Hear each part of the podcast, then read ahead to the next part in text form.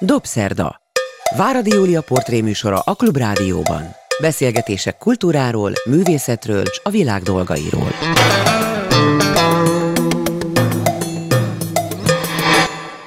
Jó estét kívánok! Ez a Dobszerda, én Váradi Júlia vagyok. Jó napot kívánok azoknak, akik vasárnap délben az ismétlésben hallgatják a műsorunkat, vagy az interneten bármikor. YouTube-on, Facebookon, akárhol. A mai vendégem Gazdag Gyula, ami nagy dolog, hogy itt van, mert hogy ő nem él Magyarországon. Magyarországon azt hiszem, hogy utoljára úgy igazán komolyabban a 90-es évek elején dolgozott. Azóta többször jártál már, persze Pesten, évente többször is, mert ez a hazád, de hát az életed az máshova kötött. Gazdag Gyula filmrendezőről azt kell tudni, és ezt a felvezetőben mindenképpen el kell mondanom azoknak, akik esetleg nem hallottak volna mindent róla, bár ez eléggé el nem ítélhető lenne, hogy ő az a filmrendező, az a magyar filmrendező, akinek a legtöbb filmjét betiltották még a 70-es, 80-as években. Ő az a filmrendező, aki nagyon nagy játékfilmeket, nagyon jelentős játékfilmeket készített a rendszerváltás előtti teljesen abszurd Magyarországról, tehát az abszurditás volt mindig is a fókuszban, és ő az a filmrendező, aki sajnos 93-ban meg fogom kérdezni, hogy milyen oknál fogva úgy döntött, hogy itt hagyja ezt az egész kócerájt, és elmegy méghozzá nagyon messzire. Az Egyesült Államokban, Los Angelesbe, a UCLA-n, az ottani egyetemen nagyon komoly funkciót töltött be hosszú éveken keresztül a filmszakmában. Na ennyi elég is bevezetőnek. Amiért most itt van Gazdag Gyula, az a jelenleg zajló filmmaraton, amelynek egyik főszereplője, hiszen az ő filmjeiből is jó néhányat felújítva bemutatnak, valamint ő maga is válogat mutatott, és ezeket a közönségnek be fogja mutatni. Köztük Buster Keaton, Ernst Lubitsch, Billy Wilder, Louis Buñuel, Vittorio de Sica, Sidney Lumet, Volker Schlöndorf, John Cassavetes és Ivan Passer a filmek rendezői. Ezek a filmek is mind, ahogy Gazdag Gyula filmjei, az abszurditásról szólnak. Azért nevetünk, mert közben itt fölöttünk kopognak, de hát ezt már a hallgatók megszokták, mert itt húst klopfolnak egy vendéglőben, de hát így is örülünk, hogy van klubrádió. Üdvözlöm Gazdag Gyulát! Köszönöm szépen!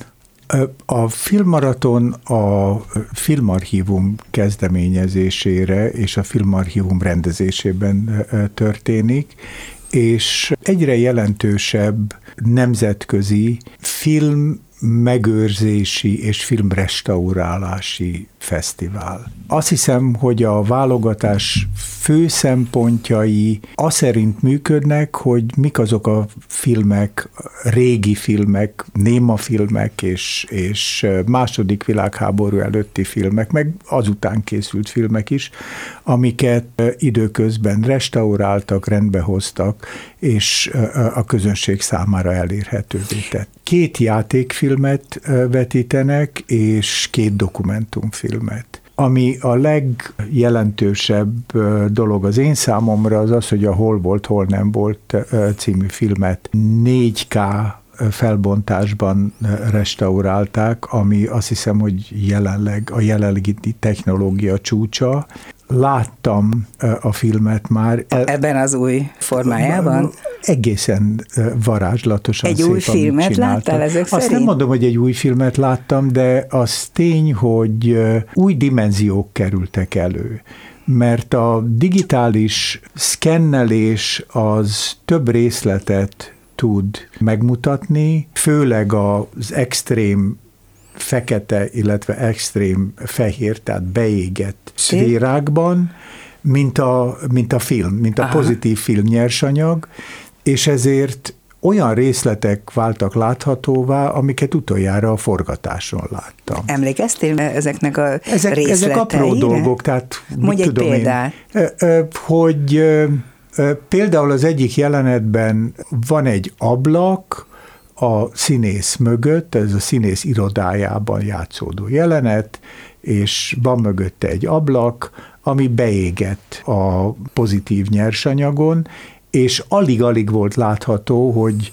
kint hihetetlen technikai nehézségeket legyőzve havazást csináltunk. De van jelentősége.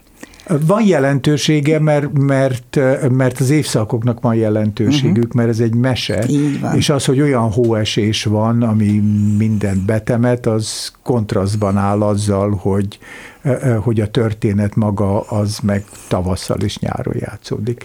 Egy csodálatos meséről van szó egyébként, egy kafkai mese. Remélem, hogy kafkai. Nagyon is kafkai.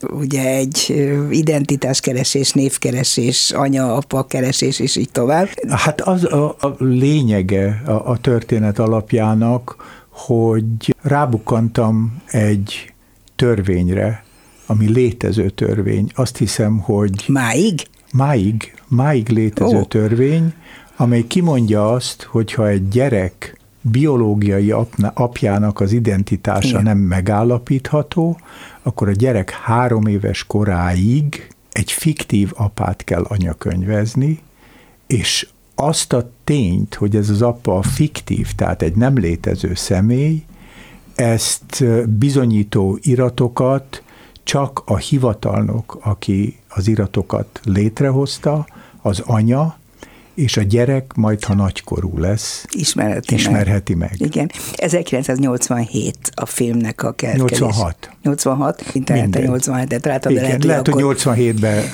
mutatták be, de 86, 86 nyarán és, és kora őszén forgattuk. Igen, tehát csak hogy jelezzük azért azt, hogy milyen időszak ez a, a magyar bürokráciában, hogyha ez ma is így van, vagy nem tudom, tényleg így van-e, akkor erre semmiféle magyarázatot nem lehet állni, de hogy akkor hát nem lehetett, akkor se lehetett. Akkor még senki nem próbálkozott azzal, hogy hát illetve a filmed pont arról szól, de senki nem próbálkozott azzal, hogy addigra érvényes szabályokat vagy törvényeket alaposabban megnézze, utána nézzen, és, és esetleg felülbírálja, vagy rákérdezzen. De egyáltalán ennek a, a törvénynek a létrejötte is olyan álságos, amilyen az az egész rendszer. És e, tulajdonképpen ezért, ezért izgatott engem, hogy, hogy megkérdeztem azt a hivatalnokot, akitől megtudtam ennek a törvénynek a létezését, hogy mi ennek az értelme, mi a célja, miért kell, miért kell egy fiktív apát anyakönyvezni.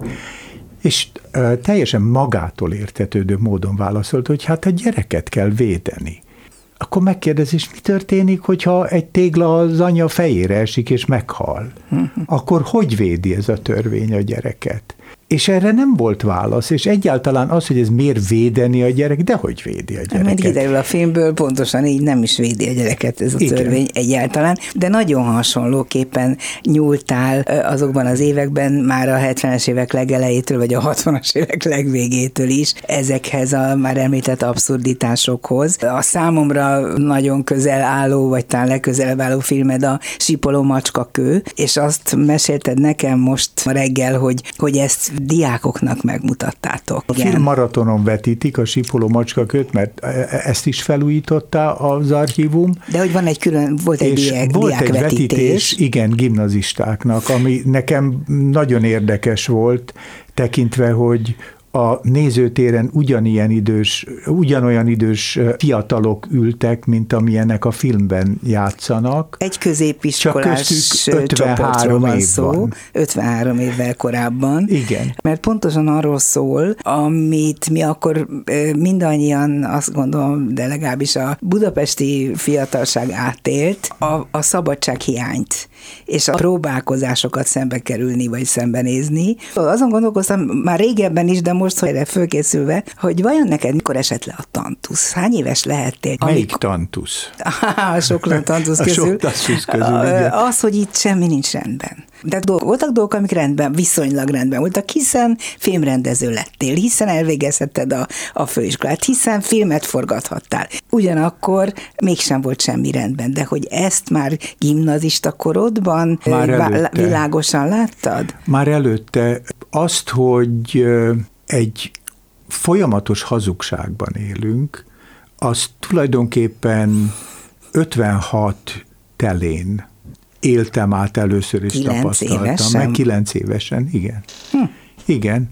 Amikor mi a Ferencvárosban laktunk, a Kossuth Akadémia mellett a Kossuth Akadémiára kivezető utcában, ugye, ami ma a Ludovika, és, és hát ott hát komoly akkor harcok katonai akadémia volt. Akkor is katonai ilyen. akadémia volt, és onnan lőtték a utcánkat.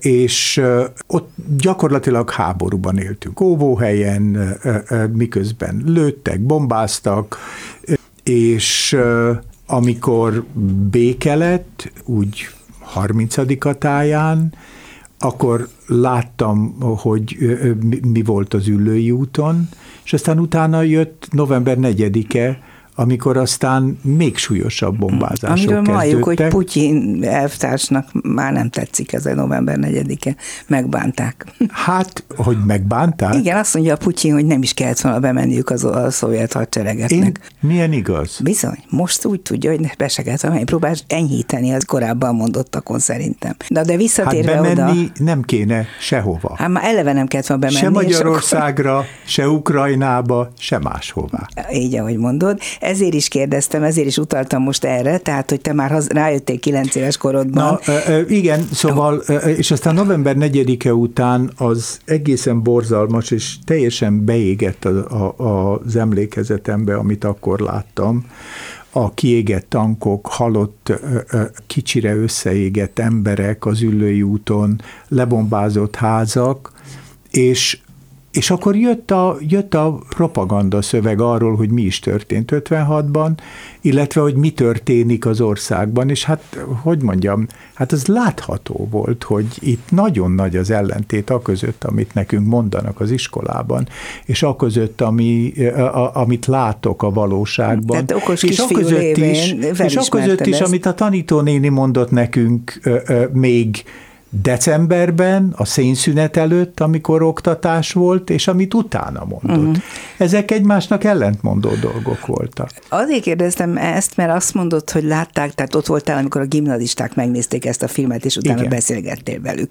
És azt mondod, hogy, hogy érdekes módon pontosan értették, hogy miről van szó, holott ez olyan régen volt, hogy te is azt gondoltad volna, hogy úristen, hát ez nekik aztán már egy ős történet. Igen, hát azt kérdeztem tőlük, hogy, hogy hogy egy ilyen nagyon régi film, ami 30 valahány évvel a születésük előtt készült, az, az hogy hat? Ha én arra gondolok, hogy az én születésem előtt 35 évvel készült egy film, és azt megnézem, akkor az egy régészeti leletnek tűnik nekem. Az egy olyan világ, ami, amit én nem ismerek, és amiről, amivel kapcsolatban nincsenek érzéki élményeim. És ők azt mondták, hogy, hogy nem tűnt idegennek, teljesen, teljesen úgy tűnt, mintha akár ma is történt. Akkor lehet, hogy hazugságban történet. élnek ezek a fiatalok. Még az is lehet, nem tudom. Nem tudom, mert arról részletesen nem beszéltünk, hogy mi az, amit a filmből megértettek, vagy, Pedig vagy az hogyan interpretálták. Lenne Csak arra volt idő, hogy arra kérdeztem rá, hogy,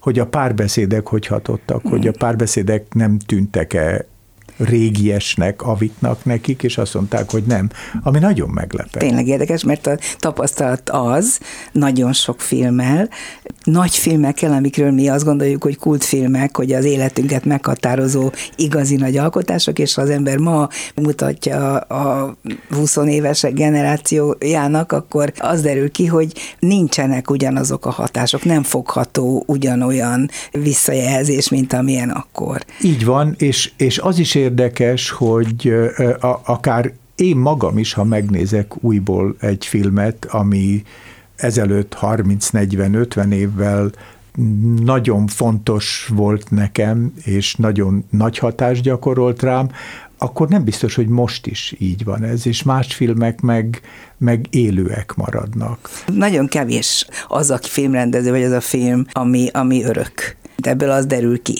Igen, azt gondolom, hogy a, hogy, hogy a filmek jelentős része nem is az öröklét számára készül, hanem a pillanat számára, mm. amikor elkészül, tehát nincs is benne a filmrendező gondolkodásában, hogy, hogy arra, arról próbáljon meg elmélkedni, hogy hogy fogja ezt a filmet a jövőben valaki nézni Egyébként ez nem is biztos, hogy olyan nagy baj, Egyáltalán hát hiszen nem nem, baj. az a dolga, hogy Nem. az utókornak dolgozó, hanem hogy a jelennek, és azért az nagyon fontos, hogyha a jelent úgy tudja megragadni, ahogy annak Persze. idején te, és az foglalkoztat továbbra is, kérlek, hogy segíts ebben, hogy hogy tudtál mégiscsak hozzájutni olyan lehetőségekhez, amelyekben megfogalmaztad az imént már említett magyar abszurd, abszurdot, a teljes értelmetlenséget, ami, amiben éltünk, amikor a Sirilla filmet készítetted,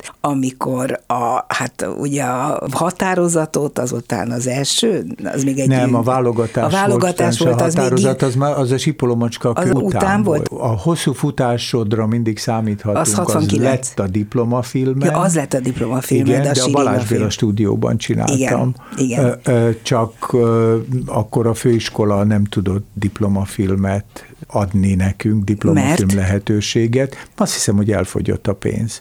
Akkor is volt ilyen? Igen, akkor is volt. Hát ugye a mi osztályunkat, csak hogy az abszurditásról is beszéljünk egy kicsit. Máriási Félix osztálya. Igen, ugye a mi évfolyamunk Máriási Félix és Makkároly. Igen. Két osztály Ja, volt is. azon az évfolyamon, és Pásztor István volt az operatőr tanár, és minket közvetlenül egy nagy Herskó osztályt követő évben vettek föl, ami szokatlan volt a főiskola történetében, mert, mert ekkora, az ennyi diákot nem képezett a főiskola az előtt sosem. Mindig Hm. megvárták, hogy egy évfolyam kimenjen, menjen. és utána vették fel a következőt. És mint kiderült, ez azért történt így, mert a magyar televízió rendelt rendezőket a főiskolától, azzal, hogy majd a Naphegyen talán egy új televíziós központ fog épülni, uh-huh. és száz új rendezőre van szükség.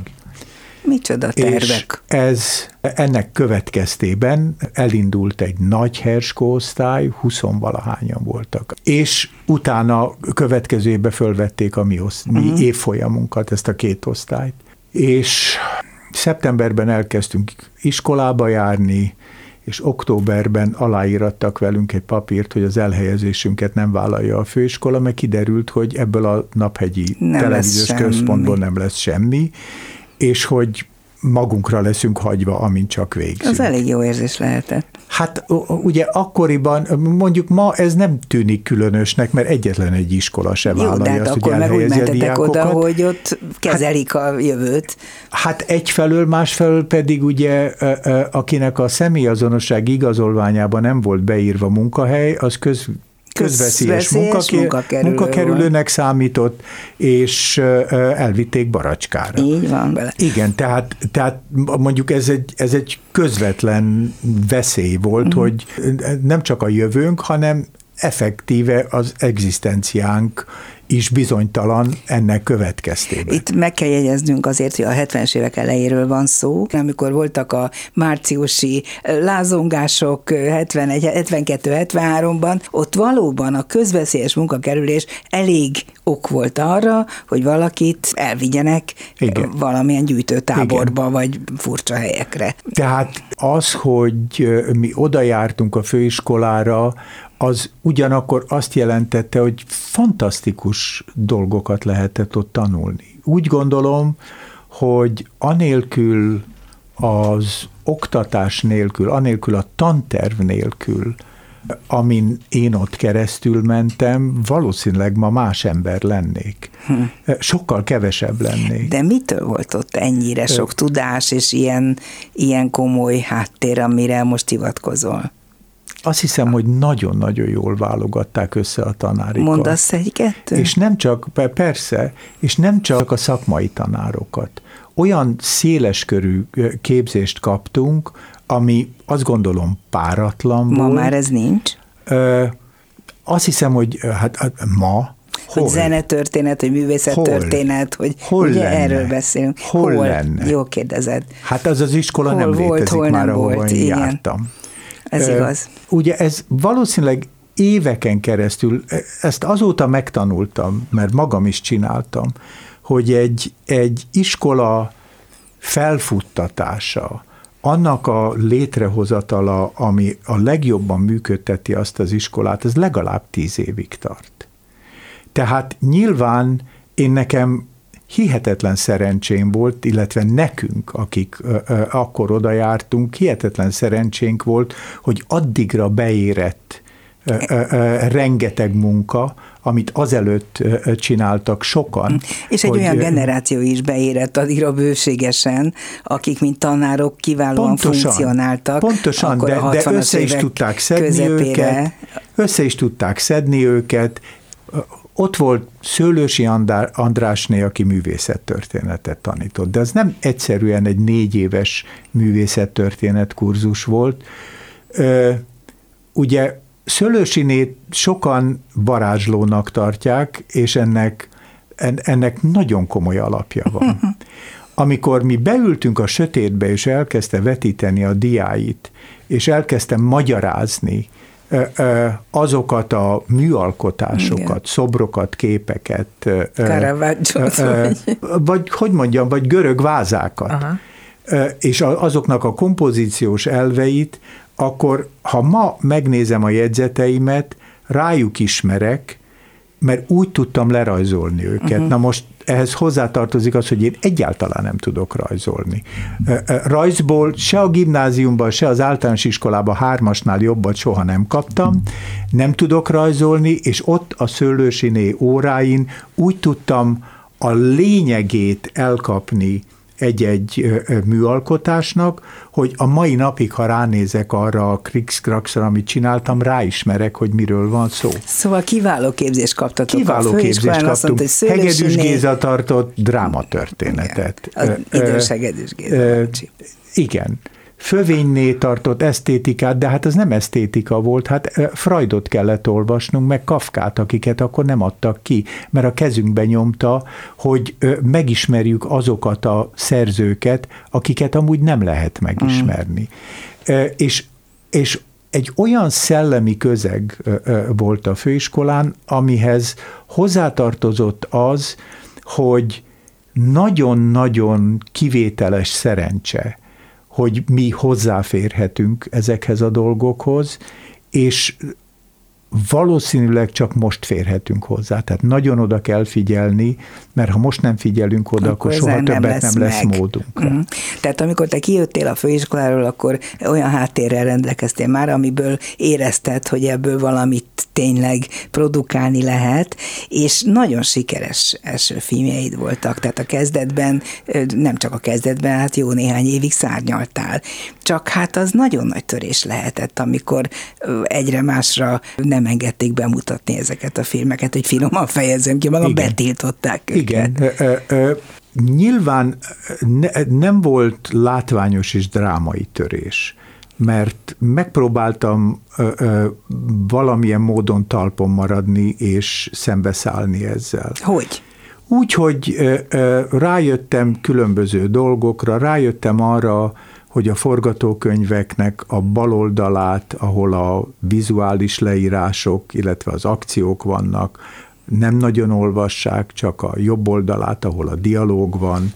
Tehát ha én képes vagyok egy olyan stílust ö, alkalmazni, amelyik különbözik az előző filmtől, amit betiltottak, de ugyanakkor alkalmas arra, hogy azt mondja el, amit én fontosnak találok. Tehát a sorok között lehessen olvasni, ahogy nem, ezt nem, nem, a sor, nem, nem a sorok között. A, a sorok között olvasás az, az hogy mondjam, annak a sunyisága engem mindig zavar. Tudtam, hogy ezt a szót fogod használni, és tudom, hogy a sunyiság nagyon zavar. E, e, hanem, hanem sokkal inkább az érdekelt, hogy ne egy, egy aktuális napi szinten jelenjen meg az, amiben élünk. Én azt gondolom, hogy a, a, az alapvető különbség a cenzorok és közöttem sok egyéb dolog mellett az volt, hogy ők az aktuál politika szemszögéből nézték az összes filmet. Ez volt a dolguk, persze. Mert ez volt a dolguk. Én pedig úgy gondoltam, hogy én nem arról akarok beszélni, ami aktuális politikai szinten történik, hanem arról akarok beszélni, hogy ez az egész, amiben élünk, ez mitől hazug. Ez mitől egy hazugság? Hogyan működik. Hát csak erről beszéltél, az összes filmet Igen. erről szólt. Gazdag Igen. Julával beszélgetek a Dobszerdában, filmrendezővel, tanárral, forgatókönyvírást tanít ma is, részt vesz nagyon sokféle fontos nemzetközi eseményben, a Sundance Fesztiváltól kezdve filmes akciókban vezető szerepet vállalva, amelyek meghatározzák az egész film sorsát szerintem, nem csak Európában. És akkor most azt kérdezem még gyorsan, mert én nem emlékszem a vál a válaszra, vagy lehet, hogy sose volt válasz, de te talán tudod, hogy miért írtották be a Bástasétány 74-et? Mert az igazi botrány volt. Én nem tudom, hogy léteznek-e még igazi botrányok. Azt gondolom, hogy akkor? nem, akkor se léteztek igazi botrányok. Ha igazi botrány lett volna a bástyasítány betiltása, akkor nem lehetett volna betiltani. Nem ja. volt igazi botrány. A fű alatt volt a botrány, hogy miért történt, azt én a mai napig nem tudom. Hogy mi volt a valóságos oka, azt én a mai, mai Senki soha nem, nem hivatkozott semmire, csak egyszerűen nem engedték bemutatni? E, nem, nem. Általában az történt, hogy nem hivatkozott soha senki semmire, és nem is álltak szóba velem. Ebben az esetben egy kivételt tettek, azt se értem, hogy miért. Azt eldöntötték viszonylag korán, tehát már 75 nyarán, hogy a film be lesz tiltva. De hogy, hogy miért volt az fontos nekik, hogy én erről egy ilyen drámai és látványos jelenet keretében értesüljek, azt nem tudom. Összehívták az úgynevezett művészeti tanácsot, ami a miniszter, a kulturális miniszter tanácsadó testülete volt hivatalosan. Maga a miniszter is jelen Jaj, dehogy. Nem, nem, nem, nem. nem csak a tanács tagjai voltak jelen, és, és tulajdonképpen azt a feladatot kapták, hogy rekonstruálják azt, amit előtte, korábban, hónapokkal korábban egy ülésen mondtak arról, hogy miért kell ezt a filmet betiltani. Tehát nem ott döntötték el, uh-huh. akkor már eldőlt, hogy a filmet betiltják, de azt, hogy, hogy miért, hogy kinek mi volt erre az indoka, azt kvázi rekonstruálták De ezen te az tudod ülésen. konkrétan, vagy sejtett, hogy mi lehetett az, ami ennyire zavarta őket?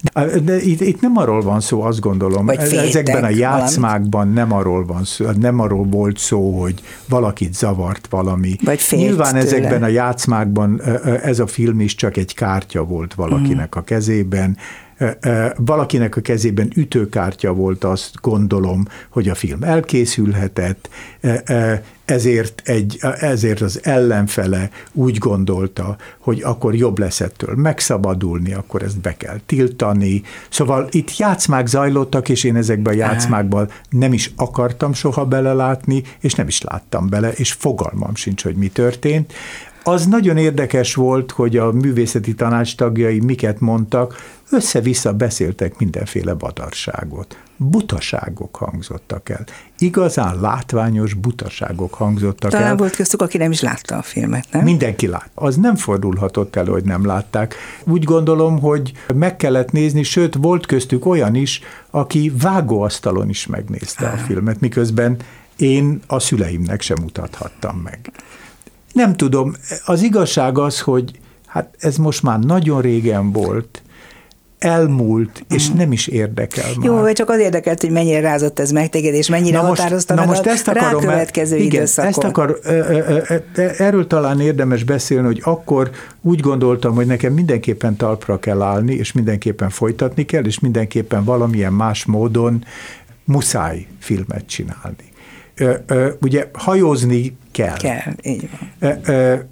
Szóval hogy ki kell találnom azt, hogy, hogy hogyan csinálhatok filmet. És úgy gondoltam, hogy azok a lehetőségek, amik annak következtében jöttek létre, hogy én nem maradhatok meg egy stílusnál. Ne, nekem nincs, ne, nem adatik meg az, hogy kifejleszem a saját személyes stílusomat. Hogy ez egy hatalmas ajándék. Mert akkor mert hogy, mert, hogy akkor, mert hogy akkor ki kell próbálni Minden. bármiféle más Aha. dolgot, olyasmit, amire nem is gondoltam, amivel nem is akartam próbálkozni. És hogy ez egy, e, e, e, ez egy borzasztó jó dolog. Hát, a színházba így kerültél. De így például így kerültem színházba, amikor eléggé nyilvánvalóvá vált az, hogy most egy darabig én nem fogok filmeket uh-huh. csinálni, nem csinálatok filmeket, és akkor az őrületes lehetőség volt a számomra, hogy Kaposvárot dolgozhattam. Ja, Ami hát nem, akkor került nem, nem, a csúcsra. Akkor, 75-ben, akkor azért már Kaposvár fölfelé futóban volt. Persze. Hát, hogy mondjam, hát nagyon jó társulat volt ott, nagyon jó emberek voltak ott, hát azért mehettem oda. Hívott oda, mert téged oda? Először Aser.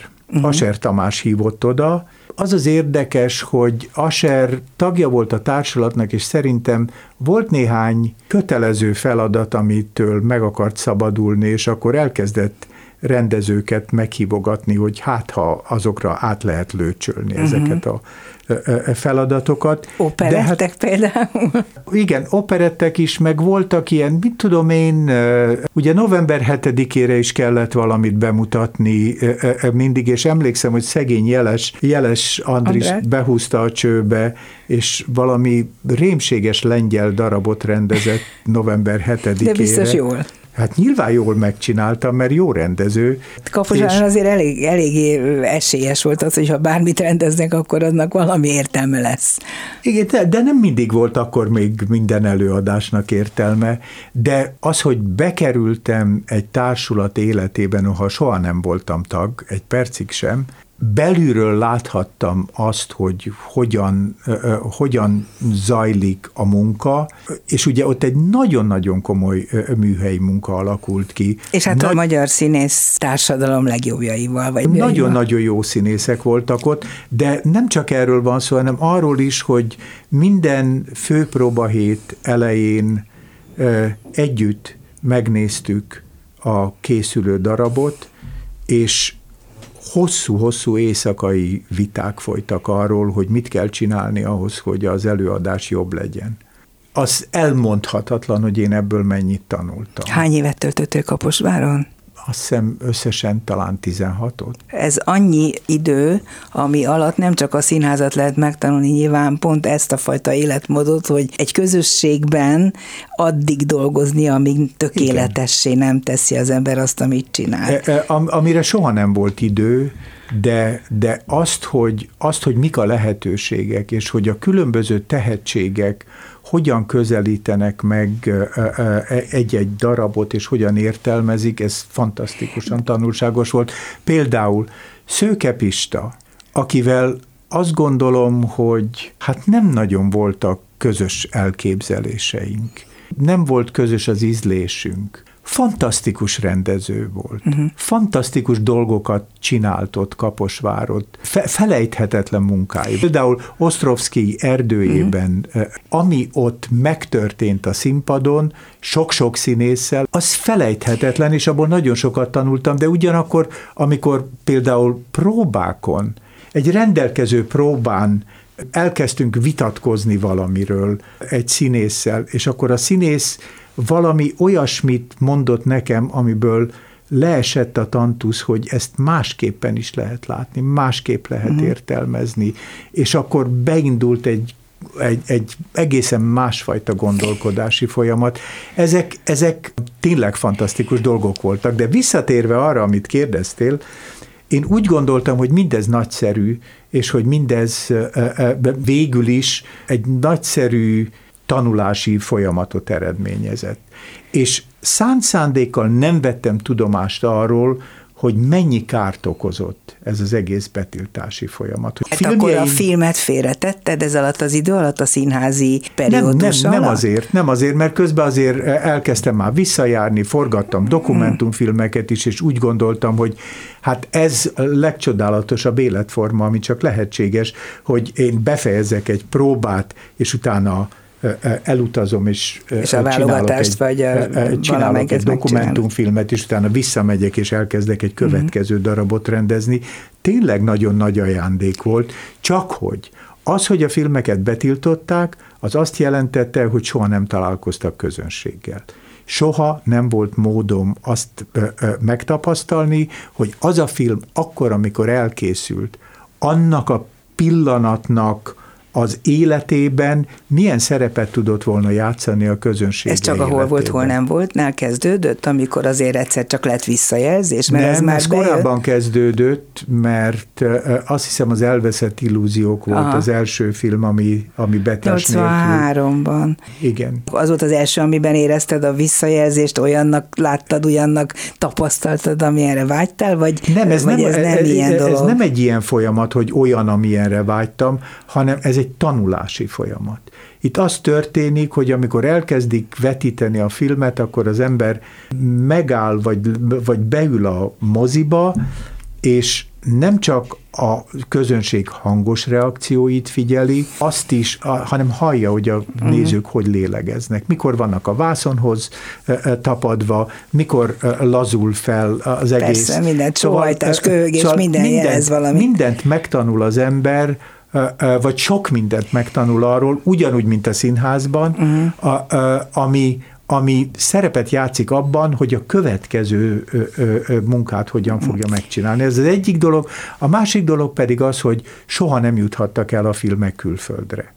Mm. Tehát, hogy azt, hogy az én pályám hogyan alakult volna, ha történetesen a hungarofilm nem tagadja le a külföldi válogatók előtt, hogy ez a film elkészült, azt soha nem fogom megtudni. De Ezt akkor nem lehet, hogy sose lettél volna a UCL-én tanár, és lehet, hogy soha nem lettél volna a Sundance De nem, nem, nem, nem érdemes, nem érdemes találgatni. Nem érdemes, a, a nagymamámnak se volt négy kereke. Pontosan. Azonban a, a válogatás például, Igen. ami hát az egyik legbátrabb filmed volt, dokumentumfilmed, ami egyébként zárójelben mondom, hogy a Klubrádióban rendszeresen lehet hallani belőle egy részletet, tudod? Tudom, persze, hát az volt egy műsor, azt a- hiszem, vagy a, a pálinkás szűcs mindig igen, előhozza. Igen, igen a, addig Addig jó, A- mi addig Kádár él? Kádár él. Annak annak a a műsornak, annak ebben a filmben volt, szignálja, igen, és igen. egyszer, e, e, egyszer voltam is a klubrádióban, ennek kapcsán Igen. A válogatásról beszélgettünk,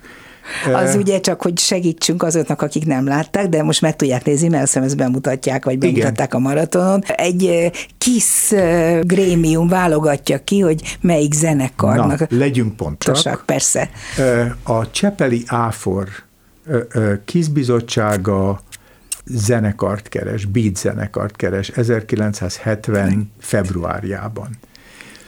A rádióban volt egy műsor, hát ugye akkor a rádió volt, ez konkrétan a Petőfi Rádióban délutánonként egy kívánságműsor volt, Így van, kettőtől ötig. kettőtől hatig. Kett, hát volt aztán kettőtől Aztán, ötig. igen, Késő. lehet. lehet. És ebben a műsorban elhangzott egy felhívás, egy beatzenekar keresett játszóhelyet. És erre jelentkezett a Csepeli kisztitkár, és felajánlotta, hogy ők csinálnak, ők keresnek az Áfor kizbizottsága számára egy zenekart, és csinálnak egy válogatást. És ezt én... De hogy tudtad meg? Hát hallottam a rádióban. Ja, a felhívást ment. hallottad, A felhívást hallottam, és akkor kimentem Csepelre. Tudtad, hogy mivel fogsz találkozni? De konkrétan nem tudtam, hogy mivel fogok találkozni, de, de azt tudtam, hogy milyen jellegű dologgal fogok találkozni. A, a részleteit, meg azt, hogy ez hogy fog lezajlani, azt nem lehetett tudni, csak azt lehetett tudni, hogy aki ilyesmibe belefog, az valami tökéletesen abszurdat hoz létre. Ha ezt egy kizbizottság csinálja, ha a kizbizottság akar beat zenekart, ugye akkor, ez akkor volt, amikor még a hosszú ha is problémát Úgy van, szakáról nem is ugye? beszélve. Szakál nem létezett. A szakál az 56 gitár, után vagy nem létezett. vágatni. De, de, de az, hogyha valakinek hosszú haja volt, akkor az már azt jelentette, hogy az illető gyanús elem. Így van. Az, hogy kamerával oda mentél forgatni, nyilván engedélyek kellettek, a Csepeli kizbizottság, párbizottság, Igen. nem tudom mikinek az engedélye, tudták-e ők, vagy érzékelték-e azt, hogyha ebből, hogy, hogy, ez, hogy ez milyen borzalmasan nem. őrült? Ha, büszkék voltak-e inkább, vagy azt gondolták, hogy hú, végre nem, többnyire, fellépünk többnyire, ez a nagy ez, Nem, ez nem büszkeség volt. Úgy néztek rám, mint egy ilyen ö, ö, ö, csudabogárra, hogy hát ez egy, ez egy mindennapos dolog, hát nem történik itt semmi különösen. Miért akar, erre, miért akar ez erről filmet csinálni? De akarja, hát De senki csinálja. nem gyanakodott, mert nem, nem. Volt, nem tudtak átlátni a szitán, hiszen a szita annyira sűrű volt, hogy neki nem Hát ez volt az hogy... életük, így gondolkodtak, Igen. és én arról akartam filmet csinálni, hogy ők hogy, hogy gondolkodnak. gondolkodnak. Tehát e, e, én nem árultam zsákba macskát, én nem mondtam azt, hogy másról csinálom a filmet. Sőt, én azt gondolom, hogy sokat nem is kellett vágni. Azt képzelem. Nagyon sokat kellett Igen? vágni. Miért? Hát egyrészt azért, mert kevés nyersanyagunk volt, ja. másrészt azért, mert különösen a válogatás esetében 35 mm-es nagy, nehézkes kamerákkal ö, ö, forgattunk, mert nem létezett még a 16 mm-es technika, és ö, két és fél percnyi nyersanyag fért a kamerába. Tehát tehát ö, Állandó mondjam, állandóan kazettát kellett cserélni, mm. ö, és fejben kellett vágni. De én úgy értem a vágást, hogy, hát az nem, is vágás. hogy tartalmilag minél inkább benne volt minden, tehát hogy lehetőleg semmi nem maradjon Persze. ki azokból a mozdulatokból, pulóverekből, mondatokból, hangulatokból, mert ugye az adta az egész filmet. Persze. Tehát és ha valaki meg akarja ismerni a 70-es évek elejének Magyarországát, akkor meg kell néznie a válogatást, pontosan tudja, hogy milyen országban élt. Igen. Igen, de hát, de hát ezek a kis félre, vagy nem, nem felvételre, vagy nem nyilvánosságra szánt mondatok, vagy félreszólások, hát ezek, ezek adják igazából a lényegét annak, hogy hogyan gondolkodtak ezek az Na emberek. de ezt kérdezem, hogy erre nem, ezt nem vették-e észre, hogy, hogy mennyire nevetségesé váltak ezektől nem, a hát, félmondatoktól? Hát, hogy mondjam, ők nem tudtak kilépni a saját gondolkodásukból és a saját testükből, és én azt gondolom, hogy nem is, nem is arról szólt a dolog, hogy ők nevetségesek, hanem hogy ez az egész úgy, ahogy van, abszurd. Igen. Én, én, én nem tudok ezeken a filmeken nevetni, és nem tudtam hát soha. Nem, ez, ezek inkább sírni Ezek filmek. fájdalmasak Abszolút. voltak. Az fájdalmas volt nekem, hogy ez történik egy emberrel, ha érdemtelenül hatalom kerül a kezébe, ez történik egy emberrel akkor, hogyha gondolkodás és mindenfajta átgondolás nélkül elkezd ítélkezni, és úgy gondolja, hogy abban a helyzetben van, hogy ő megítélhet egy másik embert, és annak következményei vannak, ha ő megítél egy másik embert. Én azt gondolom, hogy ezek voltak a fontos dolgok a számomra, és ezek, e, ebben én semmi nevetségeset mm. nem találok. Az, hogy valaki nem tud rendesen beszélni, hogy nyelvtanilag ö, helytelen mondatokat mond, az csak egy szimptóma. Persze. Az azt az jelenti, felület, az azt jelenti, ugye, az, az valamilyen módon egy pici ablak, ami megnyílik arra, hogy mi történik ennek az embernek a fejében, és mi nem történik a fejében. Továbbra is Gazdag Gyulával beszélgetek, filmrendezővel. A 90-es évek elején eljött a lehetőség, hogy te magad is pontosan ezeket a dolgokat, amiket most elmondtál, tanítsd a film színház művészeti, fő, akkor még főiskola diákjainak, akkor tájt lett hamarosan egyetem, ha jól tudom. Később. Később, tehát amikor te ott voltál, akkor még nem. De aztán eljött egy pillanat, amikor egyszer csak ennek a látszólag csodálatos megbízásnak is hátat fordítottál, és elmentél Magyarországról. Azt meg lehet kérdezni, hogy miért? Megkérdezni lehet, de nem fogok válaszolni. Nem rá. fogsz válaszolni. Nem fogok válaszolni. Nagyon személyes rá, az ok, vagy ez inkább politikai? Nem, a, a, azt gondolom, hogy, hogy annyira megváltozott azóta sok minden.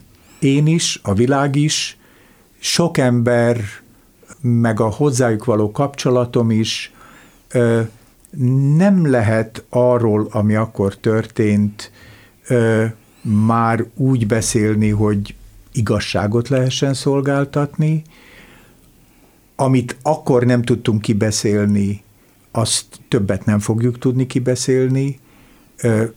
Nincs kivel, nincs hol, és nincs miért egy másik világban, tehát nem érdemes uh-huh. beszélni. Jó, ö, sose gondoltad, hogy bánod, hogy ezt a döntést hoztad. Feltételezem, mert olyan csodálatos élet kezdődött akkor a számodra egy második nagy lehetőség, amit hát úgy képzelem, hogy nagyon nagy örömmel fogadtál, mert azért a Los Angeles-i Egyetem film szakának ilyen magas pozíciójában lévő alkotó embere azt hiszem, hogy Magyarországról nem került ki.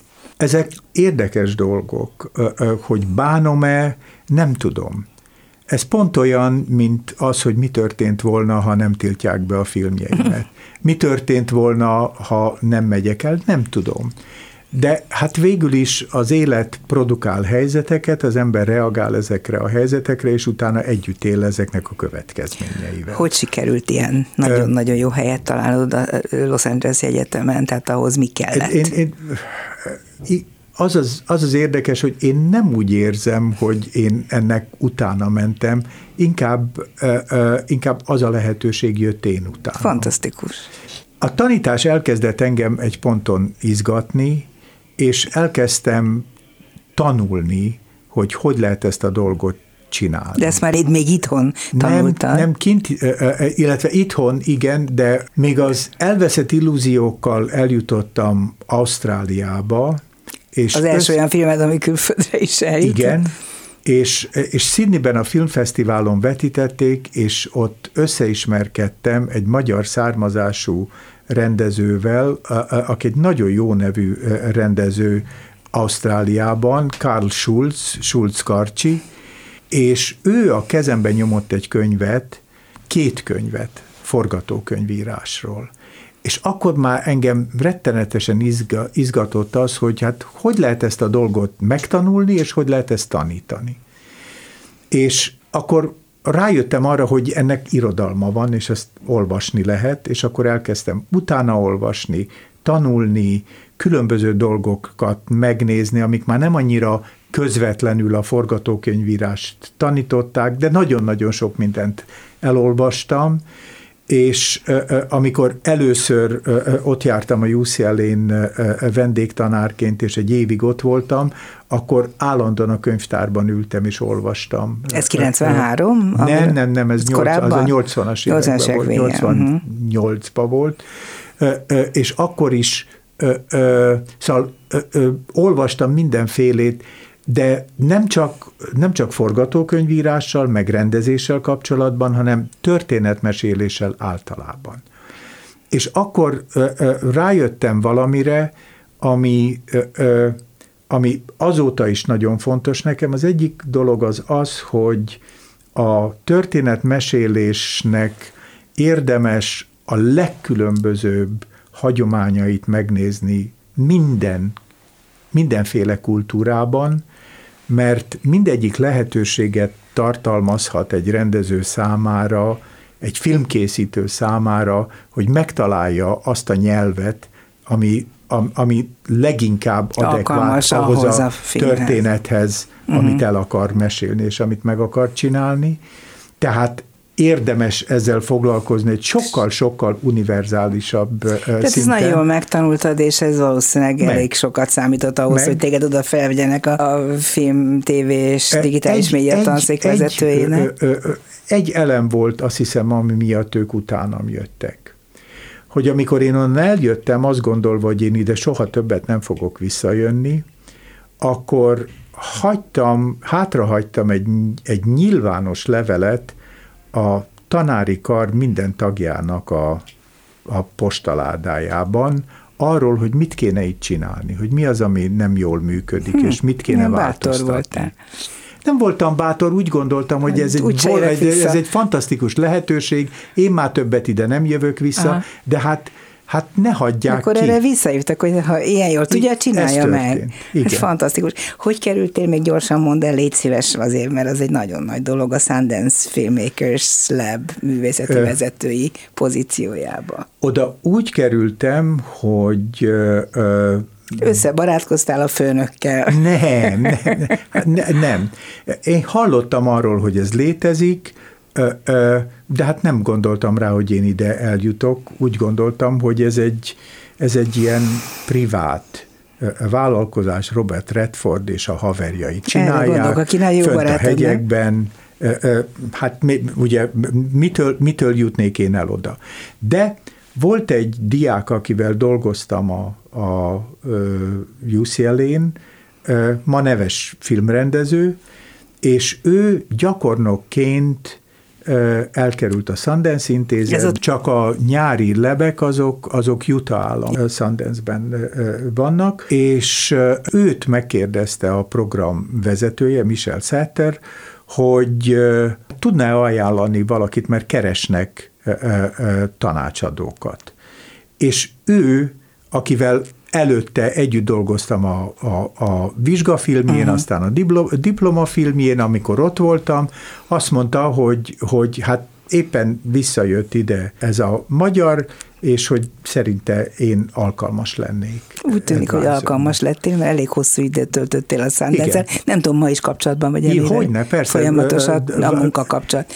Az igazság az, hogy, hogy azt mondta nekem Michel Setter, hogy én nem hagyhatom ott a lebet, hogy amíg, amíg tudom, addig ezt csinálnom uh-huh. kell. De közben egyre inkább tendáltál Európa felé újra, és ahogy látom, hát egyrészt az, hogy te magad, magad is tagja vagy az Európai Film Akadémiának, azért ez azt hiszem egy nagyon fontos helyzet. Nekem fontos. Mindannyiunk számára jó ezt tudni, de hát azon kívül pedig a Berlinálén is benne vagy a legjelentősebb ez, ez grémiumban. Nem, ez, nem, ez nem új. Amsterdamban is a script, vagy filmforgatókönyvírás nagyon Na, fontos ö, ö, oktatója ugye, vagy. Ez tulajdonképpen a Sundance-el kezdődött, tehát amikor a Sundance-ben elkezdtem dolgozni, akkor azok a kapcsolatok, amiket a Sundance kiépített világszerte, azok valahogy elkezdtek az én életembe is bekerülni, és akkor így hívtak meg először Amsterdamba a Binger Film Labbe,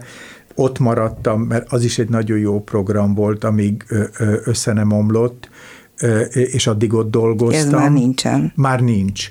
Hmm. Akkor onnan hívtak meg bennünket azok, akikkel ott együtt dolgoztunk, akik a, a Berlinálléban elkezdték csinálni a Talent Campus-t, amiből a Talents hmm. lett, és azon belül a Script Station, amivel elkezdtem dolgozni. Tehát, tehát, hogy mondjam, így kézről kézre adtak, és uh-huh.